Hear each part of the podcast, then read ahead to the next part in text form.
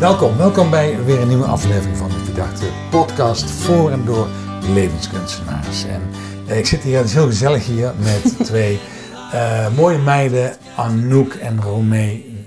Welkom dames. Yes. Jullie zijn allebei net afgestudeerd als hbo'er.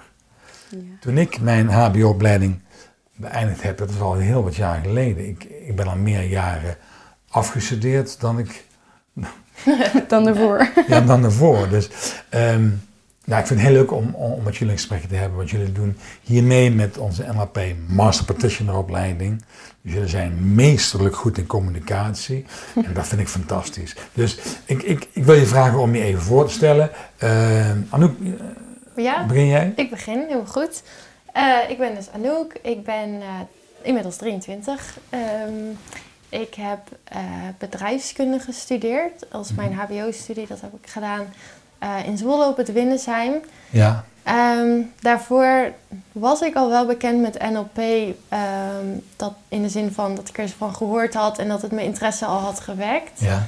Um, en toen ik in het derde jaar van mijn opleiding mocht ik een uh, minor doen.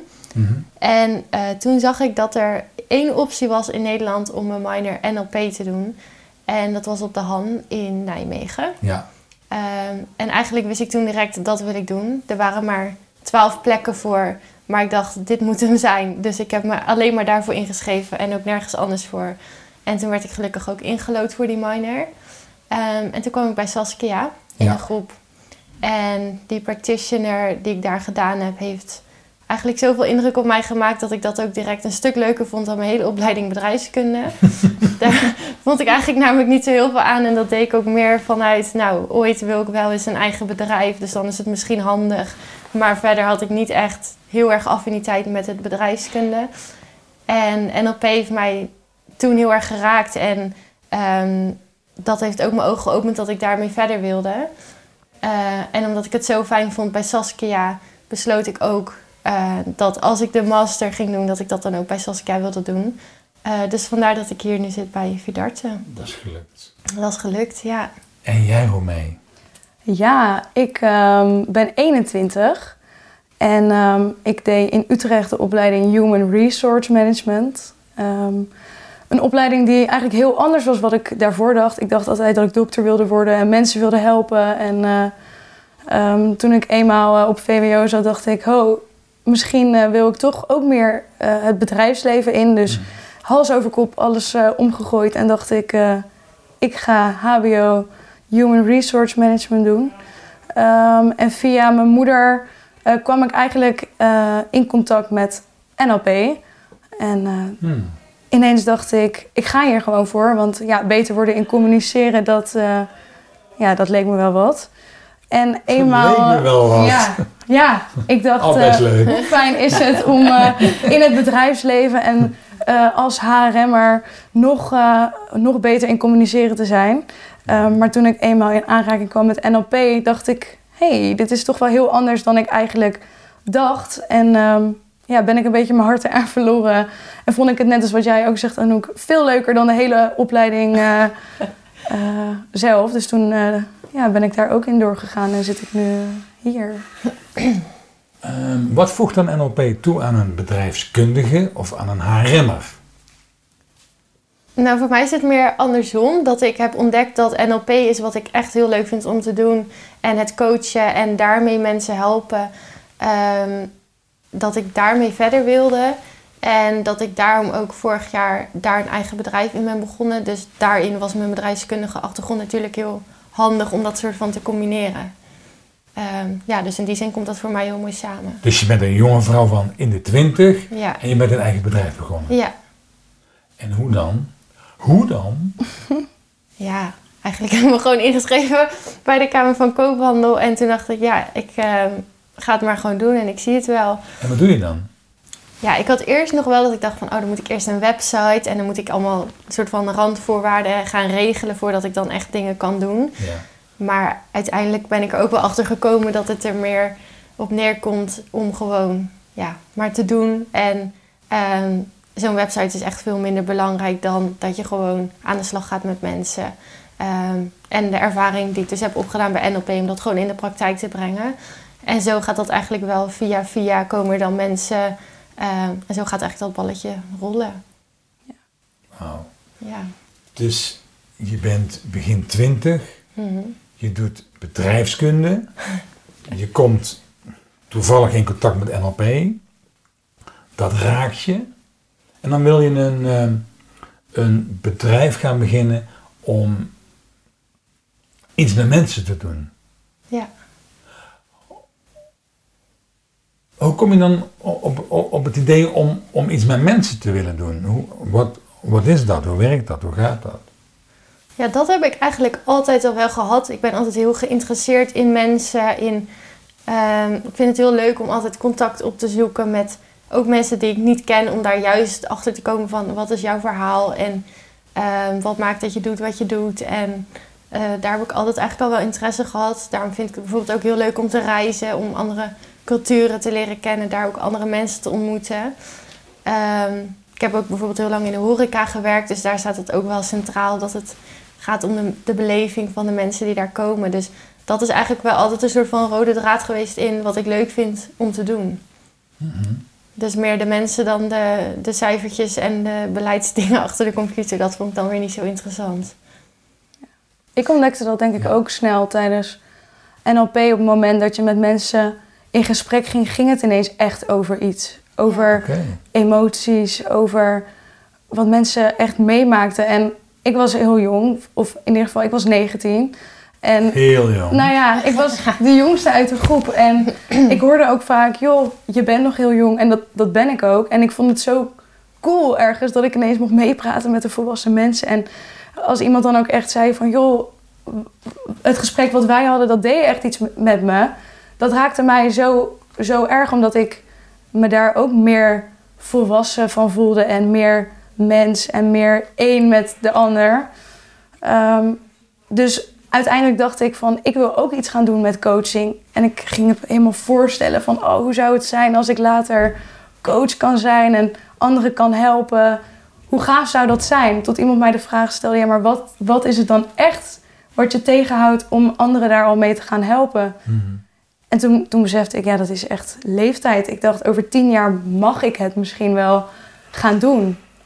Ehm, en daarin merkte ik zelf ook dat jong zijn maar ook wel in dat opzicht in de weg stond. Want ik begon te twijfelen of ik misschien wel te jong was om met NLP, NLP aan de slag te mogen. En met anderen daarin over, ja, over te gaan praten en mee in gesprek te zijn. Ja. Ehm, maar ja, als het je raakt en als het je iets doet en als je het zo interessant vindt, dan ehm, gaat het vanzelf, denk ik, op het moment dat je je er ook aan gaat overgeven. Ja, ik herken dat ook. Snap ik. En, en wat, ehm, wat betekenen jullie dan voor mensen van je eigen leeftijd? Nou, juist in de leeftijd waarin wij zitten, iets jonger, iets ouder, in deze maatschappij, hoe ik het zie, is er zoveel mogelijk. Je kan zoveel keuzes maken en veel meer dingen worden belangrijk, zoals social media en Mhm. druk van, van nou, vooral ook wel keuzes en stress en alles wordt opgevoerd en het gaat maar sneller en veel meer vanuit het hoofd. Ja. En toen ik bij mezelf ging ervaren van hoe moeilijk is het om een keuze te maken als je niet eens weet wie je zelf bent. En ik ging bij mezelf meer ervaren, hé, hey, er zit ook een heel gevoelsdeel in mij. eh, een deel wat intuïtief ook keuzes kan maken. Mhm. Als ik dat al een klein beetje bij iemand anders eh, kan meegeven, dat er, dat er ook iets anders is dan die hele druk en ehm, dat het zoveel belangrijker is om in de kern te gaan zoeken en te vinden, dan ehm, ja, is dat wat ik hoop te betekenen. Dus het is goed om een opleiding te volgen, maar vooral goed om te weten wie je zelf bent. Tenminste, dat, dat hoor ik jou zeggen. Ja. Ik denk Dat ook dat er heel veel dingen zijn die je wel had mogen leren al eerder op school, maar wat allemaal niet gebeurt. En ik denk juist met wat ik en wat wij hebben geleerd bij NLP en ehm, de andere dingen die ik de laatste jaren allemaal heb aangekeken en ben aangegaan over mijn eigen persoonlijke ontwikkeling, dat ik daar eigenlijk voor mijn gevoel zoveel meer stappen heb gezet dan in alle jaren die ik op school heb doorgebracht. Dat dat juist ook is wat ik andere mensen wil meegeven, omdat het mijzelf zoveel heeft gebracht. Ja. Ja, ik, ik, vind het zo leuk dat jullie dit zeggen, omdat ik, ik, ben zelf opgeleid, opgevoed in een vak.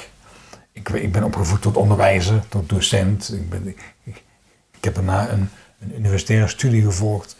En, en pas begin 30 kwam NLP in mijn leven, omdat ik als coach, handbalcoach, vond dat ik meer wilde weten over het begeleiden van mensen naast het vertellen ja, hoe je het spelletje moet spelen. Terwijl jullie nu al bezig zijn met je eigen persoonlijke ontwikkeling, meer dan met het jezelf ontwikkelen in het vak.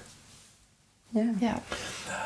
En wat is NLP voor jullie? Want, ik bedoel, wij bij Verdracht leggen NLP uit als een methodiek om een optimale vorm te kunnen hanteren van communicatie. Een methodiek om als coach iets te kunnen betekenen voor mensen.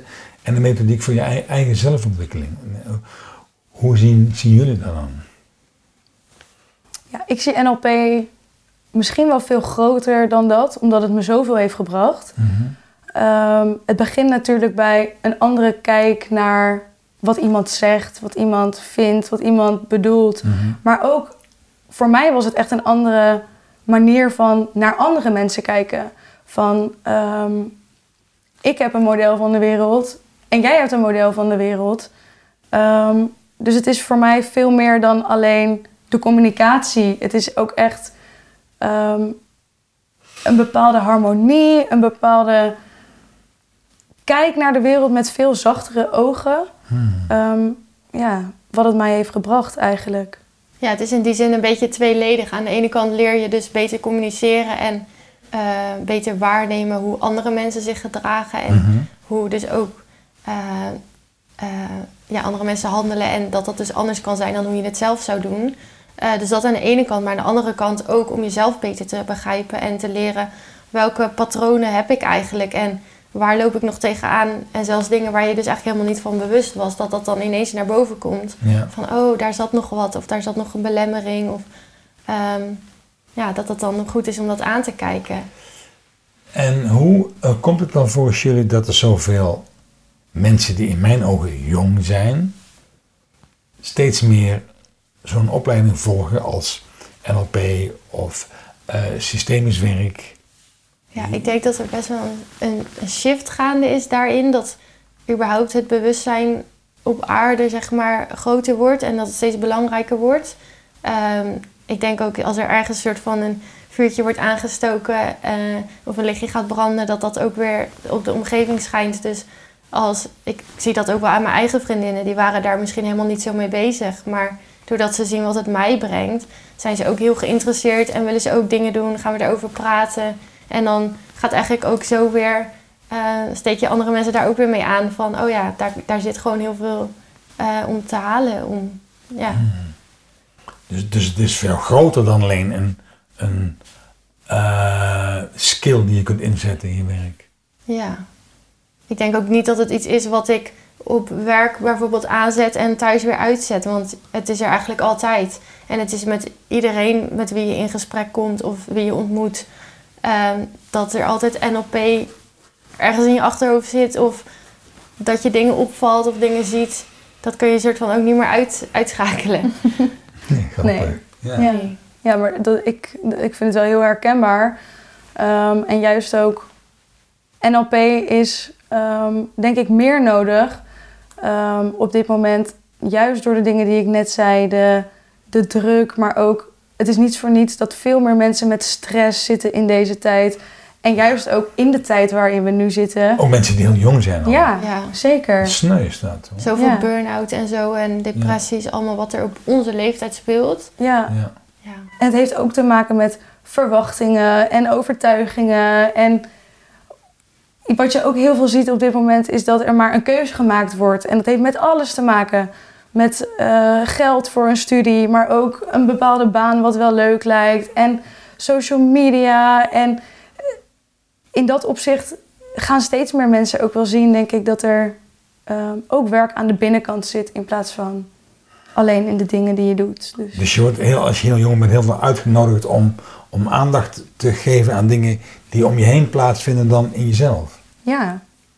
ja, dat denk ik wel. Ja. En ook als ik in mijn omgeving kijk, eh, bij vriendinnen, maar ook in mijn generatie zelf, kan ik denk ik wel zeggen dat de meesten niet op hun plek zitten bij de studie. En na drie jaar zeg je niet meer, dit is het niet voor mij. Want je, ja, je hoeft nog maar één jaar of nog maar twee jaar. Dus je maakt het maar af. En daar, daar zit zoveel. Want het is zo eng om toch nog voor iets anders te gaan. En om voor een andere keuze te gaan dan wat eigenlijk goed voelt. Dus je gaat maar door. Omdat als je al zoveel jaar bezig bent en weer opnieuw begint, eh, en dat je bij mensen komt die zijn, die zijn jongeren, die, die zitten weer in een hele andere, fase dan Ja. waar je zelf bent. Ja. ja, en het heeft ook wel te maken met misschien falen of geld. Er komt zoveel bij kijken als je iets doet wat je niet leuk vindt en je wilt toch iets anders doen. Dat, zo makkelijk gaat het ook niet. En je moet zo. ook dan maar durven om die keuze te maken. Want ik Ja. herken het ook wel van mezelf. Ik heb echt in het laatste jaar van mijn opleiding, nadat ik dus mijn minor NLP had gedaan en dat ik daar me veel meer bezig mee ging houden, dacht ik, ja, dat hele bedrijfskunde, dat kan echt mijn rug op. Want ik heb daar helemaal geen interesse meer in. maar toen heb ik zo vaak gezegd, nou, ik kap ermee, ik doe het niet meer. En elke keer was het mijn omgeving die eigenlijk zei van, joh, nog een jaartje, eh, maak het even af, heb je in ieder geval een diploma. Dus daarin heb je speelt gedaan. ik heb het wel gedaan, ja. Ja. Dat Maar het is wel bedrijfskunde die jou geholpen heeft om de weg te openen naar een minor NLP bij de hand. Ja, precies. Dus zo zie ik het dan ook. Maar... Dus dankjewel Ja, precies. het was niet voor niks. Maar Het is nooit voor niks. Heel van ze. ja. ja. En dat merkte ik ook bij mijn opleiding, want er zaten zoveel raakvlakken in wat wel fijn was. Want ook bij Mhm. een opleiding tot Human Resource Management leer je dingen over, over de mens, over ehm, NLP, ook, komt er ook in voor. Ehm, maar ook training. En dat is wel, ja, wat ik nu ook interessant vind. Hoezo? Hoezo? Ja, Hoezo vind ik trainen interessant? ja nee, maar, maar ja, ja, ja je- je- je- het komt nou, nou in één keer te sprake dat je zegt, dat vind ik interessant. Ja. Waar sta je over drie jaar? En en die vraag ga ik ook zo meteen aan jou stellen. Ja. Waar ik over drie jaar sta. Of vijf jaar. Vijf jaar. Over, over een aantal jaren. Ehm, nou, mijn ambitie is om NLP-trainer te worden. Oké, Dus, eh, stoere taal in één keer. Ja. ja, wel hè? Ga ik even goed verzitten hoor. Doe dat. Is het nodig? Hou je vast. Hou je vast, ja. Ja, vertel eens. Nou, over vijf jaar, als ik even zo eh, een blik in de toekomst werp, dan ehm, zie ik mezelf wel als NLP-trainer aan het werk. En hoop ik vooral ook op scholen en in mijn doelgroep meer bewustzijn te creëren dat je je eigen keuzes mag maken voor wat, jou, wat bij jou goed voelt. En ja, dat er een verschil is tussen keuzes maken uit je hart en uit je hoofd. En ja, Dus jouw ambitie, Romee, is dat jij een vak wil maken van mensen, jonge mensen helpen een keuze te maken uit je hart in plaats van uit je hoofd. ja, ja. En waarom is dat belangrijk? Ehm, ja, dat is een goede vraag. Ik vind Dank je. Ja, alsjeblieft. nou, ik vind het zelf ehm, belangrijk, denk ik, omdat het mij zoveel heeft gebracht. Ehm, ik zat heel erg in mijn hoofd en ik ehm, ben ooit VWO gaan doen en ik legde de lat zo hoog voor mezelf en wilde aan mijn eigen verwachtingen blijven voldoen. Maar ik was niet in het nu aan het leven. Ik was totaal niet met mijn bewustzijn bij het hier en nu en in het moment leven. Ehm, dus ja, dat zou ik willen creëren door iemand dat ook te gunnen. Ja. Ja. En waar sta jij over drie of vijf jaar? Ja, goede vraag. Ehm, ik zie mezelf als coach. Ehm, ik heb niet per se de behoefte om de trainerskant op te gaan, maar ik werk liever gewoon echt eh, met mensen eh, als in, in één op één. Ja? Ehm, en daarbij NLP. eh, ik geef ook Reiki. Dus Mm. om dat ermee te combineren. Dus ik zie mezelf eigenlijk met een eigen praktijk waarin ik verschillende dingen met elkaar combineer. Eh, het systemisch vind ik heel interessant. Ja. Ehm, dus eigenlijk een combinatie tussen NLP, systemisch coachen, Reiki.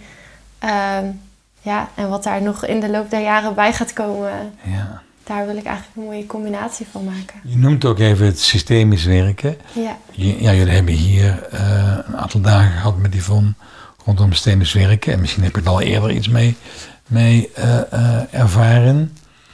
Ehm, wat voegt dat toe?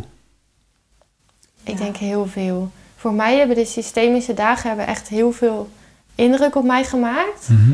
Ehm, wat ik ook heel erg fijn vond bij eh, het, het uitvoeren zeg maar, van een opstelling bij iemand, of dat je dat mag begeleiden, eh, is dat er niet per se een vaste structuur aan zit. Dus je gaat echt intuïtief mee met wat er gebeurt, wat is er nodig. Ehm, dat voor mij een hele fijne manier is. En nou, de dingen die ik daar heb al gezien en heb meegemaakt, is echt dat ik denk: wauw, hoe kan dit? En hier wil ik gewoon meer van doen en meer van ervaren en meer van ook meegeven aan anderen. Ja, dat vond ik echt heel bijzonder. Eh, zeker ook omdat je bent natuurlijk nooit alleen maar een individu. Je bent altijd een onderdeel van een systeem. En of dat je familiesysteem is of in het bedrijf waar je werkt met je collega's. Je bent altijd een onderdeel van een systeem. Ehm, dus het is heel belangrijk om daarin ook ja, op je eigen plek te staan en alleen maar eh, te dragen wat ook van jou is. En ja, dat vond ik met systemisch echt heel Maar een bedrijfskundige die dit zegt, Mhm. die zou ook heel veel kunnen betekenen in bedrijfssystemen. Ik kom veel in bedrijfssystemen Ja. en doe er heel veel systemische interventies om ervoor te zorgen dat mensen weer op een plek staan, dat er weer goede energie stroomt. Maar dat, maar dat heeft niet meteen jouw ambitie. Ja, ik heb het daar toevallig vanochtend... Nou, toevallig. dat bestaat natuurlijk niet. Eh, maar ik heb het daar vanochtend nog over gehad. eh, met eh, Petra ook. Ja, ja, Om nog misschien familie- en organisatieopstellingen te doen. Mhm. Ehm, ik werk ook nog bij een bedrijf als freelancer. waar we dus ook teamdagen geven. Oké, Eh, dus ik werk soms al met teams in die zin. Dus het zou daar zeker een mooie, een mooie toevoeging een zijn. talent Dus heb ik hier omheen. sluit het ook niet uit. ja. Romee, wat, wat, waar ik aan zat te denken, wat zo mooi van wat Ja. Anouk net zei, is... ehm, je maakt deel uit van een systeem. Mhm. En ehm, wat jij vertelde, eh, je was 19 of je was 18 en je zit op het VWO en je wil het heel goed doen en je leeft in je hoofd. Eh, heb ik het goed als ik zeg dat ehm, heel veel jongeren ook hun, het best doen om het goed te doen voor hun ouders. Uh, Ouders willen voor een kind vaak het beste. En die hopen liever dat je naar de HAVO gaat dan VMBO. Nog liever dat je naar het VWO gaat dan naar de HAVO. Nog liever dat je naar een HBO of universiteit gaat, want dan doe ik het goed. Dus ehm, ouders willen het allerbeste voor hun kind en denken dan dat een goede opleiding, een, een hoge opleiding. Ik, ik, weet zelfs, mijn zoon ging naar de universiteit en ik denk, wauw, vet man, gaaf. Want dan heb ik het gevoel dat ik het goed gedaan heb, terwijl het ook maar, maar een soort idee is. Het, eh, hoe herkennen jullie dat? Of hoe herken je dat? Dat je het goed wil doen, maar, maar dat je dan meer bezig bent om het goed te doen voor de ander dan, dan, dan dat je je afvraagt, ja, hoe is het nou voor mij? Klopt dat? Ja, ik denk dat in die zin mijn ouders het niet zo heel veel uitmaakten wat ik, eh, wat ik ging doen. Ehm, ik merkte wel dat ik daarin mijn eigen lat gewoon heel hoog legde. Dus ik had ooit het besluit gemaakt in mijn jeugd. Ik wil geneeskunde gaan studeren, want ik wil dokter worden. En nou, ik was toen ik eh, echt jong was ook wijs genoeg om dat eh, helemaal uit te stippelen en te bedenken. dus in die zin heb ik vooral mijn eigen lat hoog gelegd en wilde ik heel graag een hele goede dokter worden. Ah, Ehm, dus ja, toen het besef ineens kwam van... hé, hey, wil ik dat wel? Ja, was het toch wel eh, grappig. Want toen ben ik naar de HAVO gegaan en ging ik heel iets anders doen. ja, zo van, is dat dan mijn roeping? Ja, ja. Maar ja, ook daarin wilde ik natuurlijk graag eh, mijn ouders trots maken... met eh, Ja. wat ik ging doen, ja. Ja. Ehm, nu ik hier met jullie zit te praten, wordt mij wel bewust dat ik meer jonge meiden hier heb, van de HAM of anderszins, die hier instromen in een opleiding of NLP komen doen, dan jonge mannen. Dus de boys zijn minder in getal hier aanwezig dan de girls. ja. How come? Ja, ik denk dat er ook bij zoveel jongens maar ook mannen, oudere mannen, zeg maar. Er, het is nog, voor mij idee zit er nog zo'n soort taboe op. eh, over je gevoelens praten, over je emoties praten, dat te laten zijn. Ehm, volgens mij is daar nog zoveel juist te doen en te behalen in dat dat er ook mag zijn. En dat ook Hmm. dat je niet minder man wordt als je je kwetsbaar opstelt. Eh, Dat vind ik een goede zin. Dank je. ja, ja, maar dat, dat geloof ik wel echt. Want Ja. ja, tuurlijk is dat heel belangrijk. En als man mag je dat net zo goed doen als vrouw. En ik denk juist dat het je alleen maar veel sterker zou maken als je dat wel doet. Hé, hey, maar zijn jongens van je eigen leeftijd dan interessant voor je? Nee. Als in eh, interessant op relatiegebied? Of, eh? Eh, vertel, vertel. ja, nee, nee, ja, nee, nee, maar, maar, maar ja. Ja, nee, ik zeg heel stellig nee. Er zijn natuurlijk altijd uitzonderingen. Maar ik merk wel dat ik eerder goed level met, wat, met mannen die wat ouder zijn... dan per se jongens van mijn eigen leeftijd. En ja, natuurlijk wat ik zeg zijn uitzonderingen. Ehm, maar over het algemeen... ja, ik vind ja, het wel een lastige, denk ik. Want ehm, ik weet ook niet zo goed waar het, waar het verschil hem in zit. Mhm. Ik merk alleen dat er wel echt een verschil is tussen Ja. NLP en eh, meiden en NLP en jongens. ja. Ja, maar wat dat dan is, ik weet het niet. Heeft denk ik ook wel te maken met ja, dat het spannend is en voor vrouwen ook. Maar bij mannen komt denk ik toch het stukje mannelijkheid Ja, erbij kijken. Nou ja, ik maak veel mannen mee die hier komen. Of binnen organisaties waar ik kom. Die ehm, het in contact komen met je gevoel ja, ook omschrijven als heftig. Ja. Het woord he- heftig wordt er pas en onpas gebruikt voor allerlei dingen die voor mij normaal zijn. ja. Dat kwam En- inderdaad ook bij me op dat je zegt van, over mannen en hier.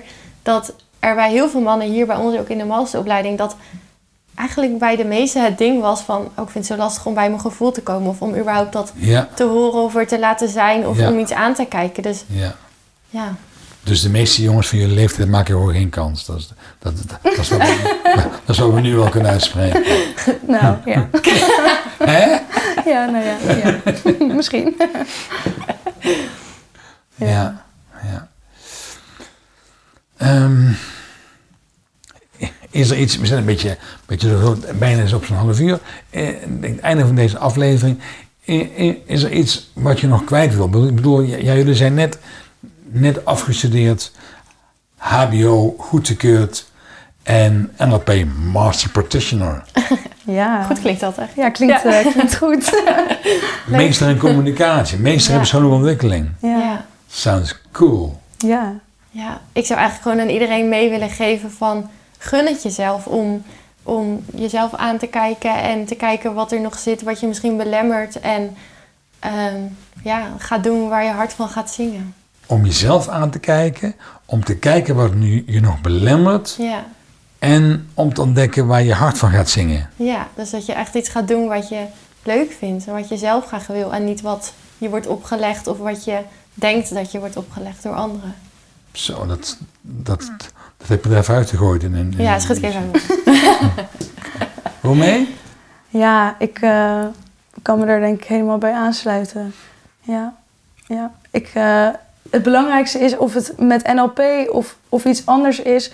op het moment dat je gaat kijken naar wat speelt er in mij... wat vind ik echt van dingen... maar ook hoe blijf ik trouw aan mezelf... dan, ehm, ja, Dus missie en trouw aan jezelf en in verbinding met jezelf is belangrijker voor jullie dan ambitie en status. En dat zijn, dat zijn andere woorden. ja, ja, Ja, ja. heel anders. Want tenslotte, waar gaat het leven dan echt om volgens jullie? Poeh. Ja. Ik gooi nog even een diepe vraag in het einde. Wat fijn dat je gewoon één seconde stil kreeg. Dat is goed voor mezelf. Ja, je hebt het voor elkaar. Waar gaat het leven echt om? Ehm, ja, uiteindelijk denk ik in ieder geval om te ontdekken wat... Als je ontdekt wat je missie is en wat, wat, je, dus wat je kan doen wat je echt gelukkig maakt. Ja, als je dat de rest van je leven mag doen, dan is dat denk ik een heel mooi leven. Ja. Ja, wat er bij mij naar boven komt is op het moment dat je echt bewust aan het leven bent en licht en liefde kan stralen, zijn allemaal hele hoge waarden en woorden. Maar op het moment dat je beseft wat bewust leven is en dat je weet hoe het is om echt liefde te delen en te ervaren, dan ja. ja, denk ik dat daar het leven om gaat. En dan hoef je echt niet iedereen een eigen bedrijf en allemaal dingen te eh, bereiken of te doen. Als dat voor jou is dat je thuis met je gezin een heel fijn huis hebt, prima, weet je wel? Hoewel dat kan ook als je bij de HEMA werkt. Ja, dat Nou, kan ook als je... Ja, precies. Dus het, niet iedereen heeft daarin ook hetzelfde pad. Dus dat je gewoon ontdekt wat jouw eigen pad is en dat je dat gaat bewandelen. Dat komt me bekend voor. Wij noemen dat levenskunst. Levenskunst. En dit was een aflevering van de Verdachte eh, podcast voor en door le- levenskunstenaars. Ik zit hier, ik zat hier met twee heerlijke, fantastische, fijne levenskunstenaars. Met Romee en Anouk. Dank jullie wel, meiden. En nou, fijn dat jij hebt geluisterd. En eh, tot de volgende aflevering van de Verdachte podcast. With a little luck, we might just catch a tailwind. Hey, fellow traveler, keep traveling, keep traveling.